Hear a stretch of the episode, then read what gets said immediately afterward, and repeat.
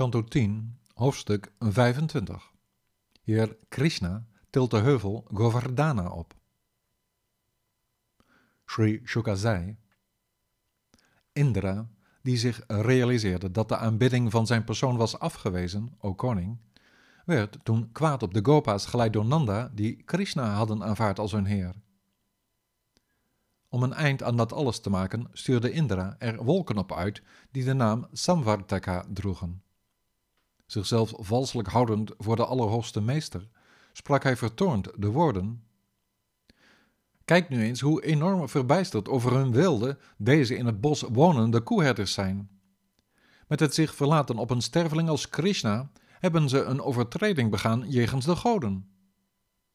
Met het afzweren van de geestelijke kennis proberen ze de oceaan van het materieel bestaan over te steken door rituele offerplechtigheden te houden, die, gericht op het profijt, ontoereikend zijn om ze als boten op die oceaan te dienen. Door een toevlucht te nemen tot Krishna, dit kwebbelende, ingebeelde kind dat onwetend denkt dat hij de wijsheid in pacht heeft, hebben de Gopa's gehandeld tot mijn ongenoegen. Breng, o wolken, de vernietiging over hun dieren en maak een einde aan hun arrogantie, want zij, trots en dwaas vanwege Krishna, zijn vol van verbeelding. Ook ik zal, rijdend op mijn olifant Airavata, meekomen naar Vraja. Vergezeld door de windgoden zal ik, me herwaarts begevend met grote macht, Nanda's koerdersgemeenschap wegvagen. Sri Shukazai de volken aldus, op bevel van Indra ontketend uit hun posities, teisterden met al hun macht Nanda's koeherdersdorp met een enorme stortvloed aan regen. Voortgedreven door de windgoden lieten ze, oplichtend van de bliksem en rollend van de donder, hagelstenen naar beneden komen. Met de regen, die onophoudelijk in dichte gordijnen uit de wolken neerstroomde, konden de hoger en lager gelegen delen van de aarde, ondergelopen door de vloed, niet meer worden onderscheiden. De gopa's en gopis, geplaagd door de overmaat aan hemelwater en de hevige wind, namen samen met het vee, bevend van de kou, hun toevlucht tot Govinda. Hun hoofden bedekkend en hun kinderen beschermend met hun lichamen, benaderden ze, geteisterd door de regen, rillend, de basis gevormd door de lotusvoeten van de Allerhoogste Persoonlijkheid Gods. Krishna, o Krishna, o grootste geluk, u bent uw eigen baas, o Heer. Alsjeblieft, bescherm de koeherdersgemeenschap tegen de godheid Indra, die kwaad op ons is, o beschermer van de toegewijden. Toen de Allerhoogste Heer Hari hen zo wezenloos zag, belaagd als ze waren door de hagel, de regen en de hevige winden, achtte hij de woede van Indra hier verantwoordelijk voor. Hij dacht: Omdat ik Indra's offerplechtigheid afwees, zet hij uit op vernietiging nu alles onder water met deze voor het seizoen zo ongebruikelijk felle regens en heftige winden vol met hagelstenen. Om dat afdoende tegen te gaan, zal ik, met de macht van mijn yoga, ervoor zorgen dat de trots en onwetendheid wordt verslagen van een ieder die zich met de wilde in zijn dwaasheid heer en meester over de wereld waant. Van de halfgoden, die, als heersende heren, valselijk vereenzelvigd, zeker niet bewogen zijn door goedheid, vaag ik de valse trots weg met de bedoeling ze tot vrede te bewegen. De Koeras-gemeenschap, die zijn toevlucht tot mij heeft genomen als hun meester, is mijn familie. Daarom zal ik ze beschermen met mijn mystiek vermogen. Dat is de eed die ik heb afgelegd. Dit voor zichzelf gezegd hebbende, pakte deze nederdaling van Vishnu met één hand, zijn linkerhand, de heuvel Govardhana op en hield hij hem zo makkelijk omhoog als een kind een paddenstoel vasthoudt. De Allerhoogste Heer zei toen tegen de Gopa's: O moeder, o vader, o bewoners van Vraja, kom alsjeblieft samen met jullie koeien naar de vrije ruimte onder deze heuvel.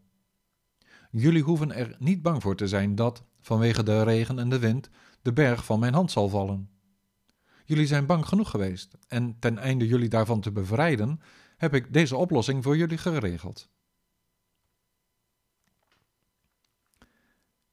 Met hun geesten aldus door Krishna gekalmeerd, begaven ze zich naar de ruimte onder de berg, waar ze genoeg plek vonden voor hun koeien, wagens en iedereen die bij hen hoorde. Zonder acht te slaan op pijn, honger, dorst en ieder idee van persoonlijk comfort, hield hij, voor ogen van de bewoners van Vraja, de berg zeven dagen lang omhoog, zonder zich van zijn plaats te verroeren. Toen Indra het resultaat zag van Krishna's mystieke vermogen, was hij hoogst verrast en riep hij, beroofd van zijn trots en met zijn bedoeling ondermijnd, zijn wolken terug. Met de hemel vrij van wolken en de zon weer te zien, nu de felle wind en regen was afgelopen, zei de heffer van Govardhana tegen de koeherders: Alsjeblieft, ga met jullie bezittingen, vrouwen en kinderen weg van hier. Geef jullie angst op, beste Gopa's. De wind en de regen zijn opgehouden en het water in de rivieren staat weer laag.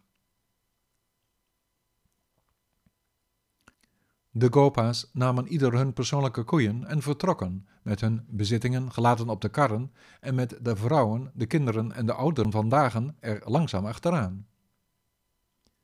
En terwijl al de levende wezens toekeken, zette de Almachtige Allerhoogste Heer de heuvel met gemak weer terug waar hij had gestaan.